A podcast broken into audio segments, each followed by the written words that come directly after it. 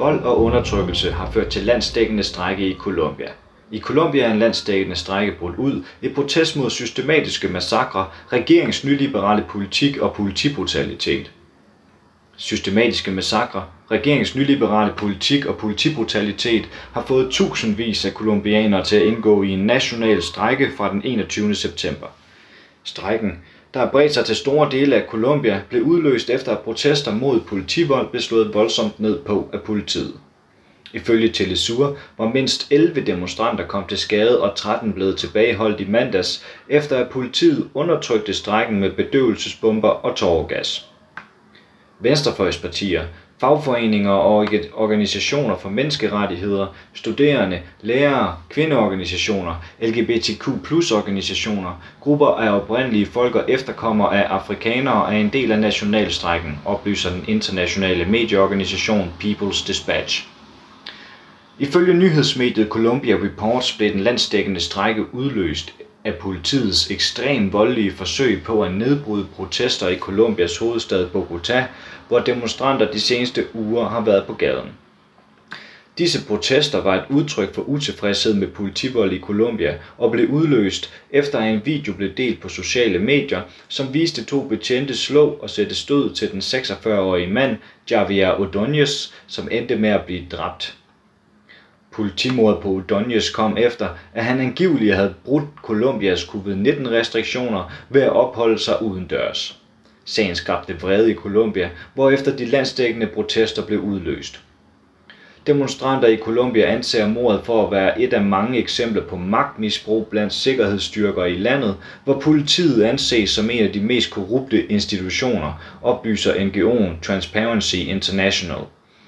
Men ifølge Telesur blev protesterne mod politivold mødt med politivold, hvilket førte til, at over et dusin demonstranter blev dræbt og hundredvis såret. Det fik fagforeninger, sociale organisationer og massebevægelser til at kalde til nationalstrække i et, op, i et opråb til regeringen om at stoppe politivolden. Men politivolden er ikke det eneste, der ligger til grund for nationalstrækken i Colombia. Ifølge Telesur har systematiske massakre rettet mod tilhængere af venstrefløjen fundet sted flere gange inden for blot den seneste uge, hvor det kommunistiske parti FARC har stået for skud. Partiet FARC blev oprettet i 2017, efter at Colombias regering vedtog en fredsaftale med den væbnede revolutionære gruppe FARC-EP. FARC-EP blev formet i 1964 som et modsvar mod Colombias militær. Militæret havde angrebet et landdistrikt, hvor organiserede bønder ellers havde løsrevet sig fra regeringen og jordejernes undertrykkelse i uafhængige socialistiske lokalsamfund. Den kolumbianske regering førte borgerkrig mod FARC-EP, indtil fredsaftalen blev indført i 2016. Den revolutionære gruppe lagde våbne fra sig, og det blev legaliseret, at FARC kunne stille op til valg som politisk parti. Men de seneste massakre i Colombia kan tyde på, at regeringen ikke overholder fredsaftalen.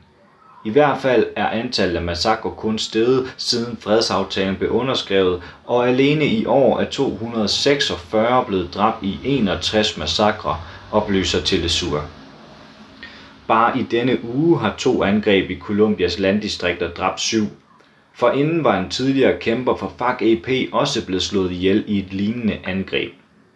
Den fredsaftale, der skulle skabe stabilitet og sætte en stopper for politiske mord og massakre i Colombia, har den siddende præsident Ivan Duque beskrevet som for mild mod tidligere kæmpere for FARC-EP.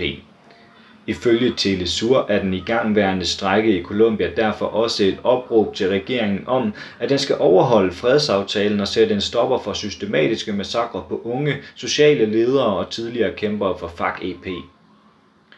Udover systematiske massakre og politivold er der blandt demonstranter i Colombia også en generel utilfredshed med regeringens nyliberale politik, der under covid-19-epidemien er blevet intensiveret. Colombias regering ledes af præsidenten Dukes parti Demokratisk Centrum. Demokratisk Centrum påstår at være et midterparti, men opfører sig i virkeligheden som et højreliberalt parti, vurderer analysemagasinet Semania. Ifølge Telesur har Dukes regering under epidemien indført regeringsloven 1174, der underminerer arbejdernes rettigheder ved at godkende timekontrakter. Timekontrakterne promoverer uformelle ansættelser og fjerner kravet til, at arbejdsgivere betaler for arbejdernes sociale sikkerhedsnet.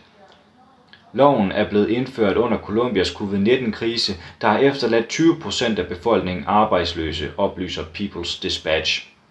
Derudover er kolumbianerne utilfredse med regeringslån på en værdi af 370 millioner dollars, som blev givet til Colombias største luftfartsselskab Avianca. Lånet til Avianca blev hævet op fra Colombias nødhjælpsfond og tager derved ressourcer væk fra bekæmpelsen af sundhedskrisen forårsaget af covid-19. Du har lyttet til en artikel fra Arbejderen. Abonner på vores podcast på iTunes, eller hvor du ellers hører din podcast. Du kan også klikke ind på arbejderen.dk for meget mere journalistisk indhold. Du er også velkommen til at følge Arbejderen på YouTube, Facebook, Instagram eller Twitter, samt tilmelde dig Arbejderens daglige opdatering på Messenger. Vil du i kontakt med redaktionen, kan det ske ved at sende en mail til redaktion Tak fordi du lyttede med.